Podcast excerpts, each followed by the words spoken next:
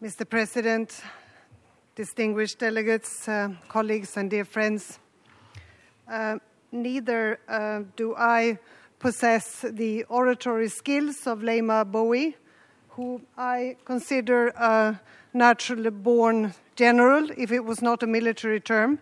Um, nor can I compete with the Espen Barth Eide's uh, pictures that he showed us. They were indeed impressive, and um, it was also a call to action. Uh, and to that, I would add a time perspective. Uh, because I, I truly believe, if I'm allowed to just comment on his pictures, I, I truly believe that the, the real problems that we see and the real challenges we have in front of us requires a long-term thinking, generations ahead, while our societal structures and systems are short-term and uh, sort of very limited in, in the way we, we think about it. And I think that has to be maybe added to, to your uh, fantastic pictures. Uh, I only come with maybe a quote from a French philosopher, uh, Simone Weil, who said that attention is the, the most precious and the most rare of um, elements of human generosity. So when people actually listen to you, uh, it makes at least me very humble um, and not all the time check their emails or their mobile phones. So attention is a, is a precious gift. It's a great honor and pleasure to be here. I really commend you, President Lykketoft, for organizing this uh, high-level uh, debate because it adds political momentum to a new global response to peace, security, and development. And isn't the lesson from listening to Leymah Gbowee that if you want, if we want peace, we have to prepare for peace, not the opposite, as has been, uh, I think, uh, um, a, a, proverb so far. Uh, we can be proud over the landmark agreements that have been reached on sustainable development and climate change because I think it has helped to restore confidence and trust in the multilateral system's ability to deliver solutions to pressing, pressing global issues.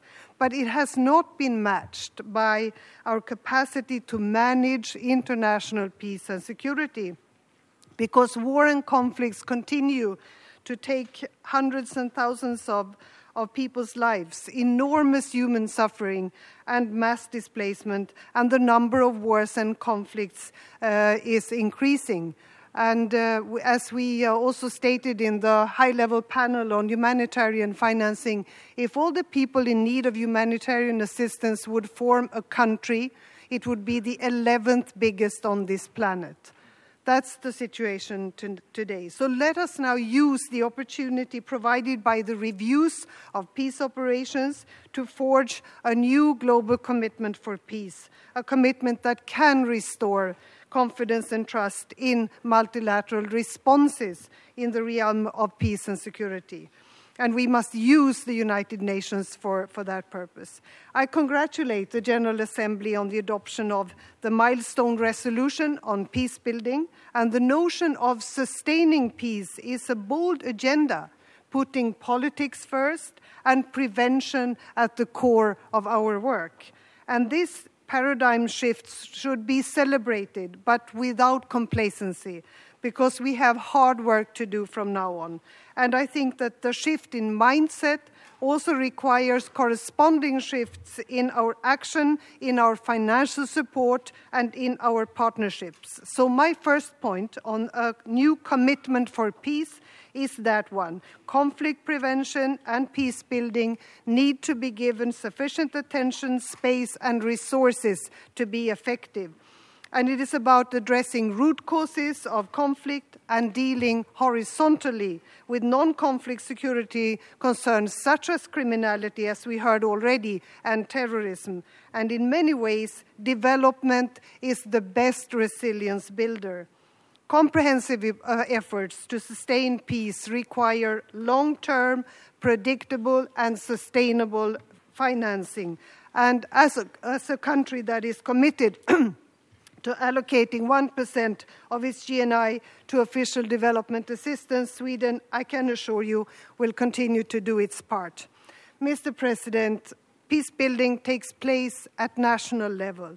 Efforts to drive that process can thus only be undertaken by national actors. International actors can provide support, facilitation, and accompaniment, but never lead. And therefore, my second point on a new commitment for peace is that we must recognize the importance of national ownership and inclusion.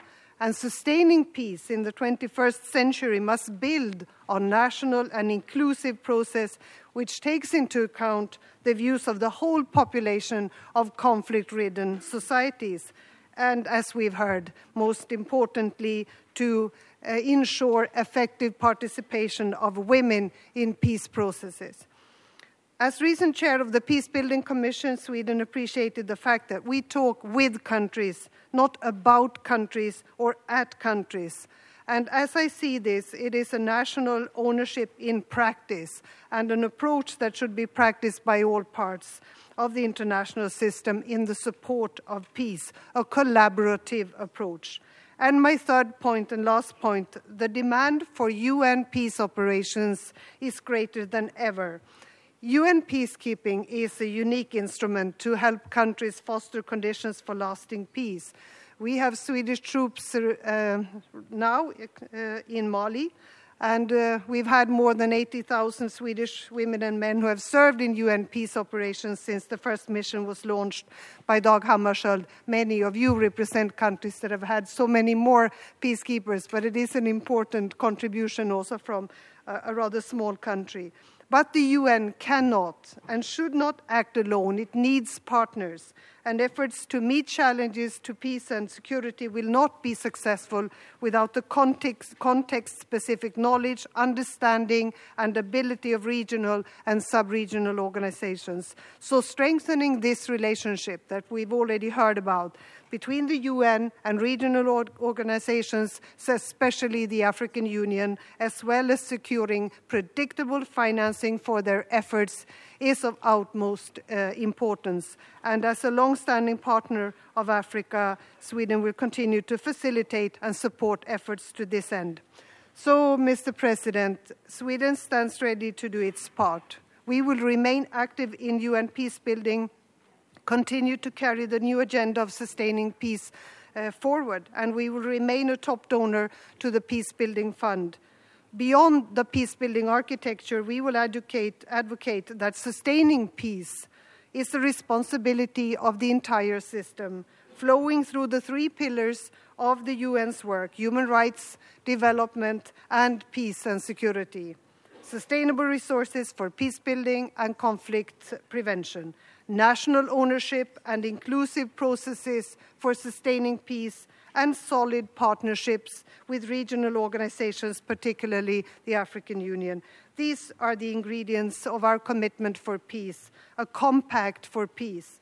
And as a candidate for the Security Council for 2017 2018, Sweden wants to take this agenda forward with vigor and determination. Thank you for listening.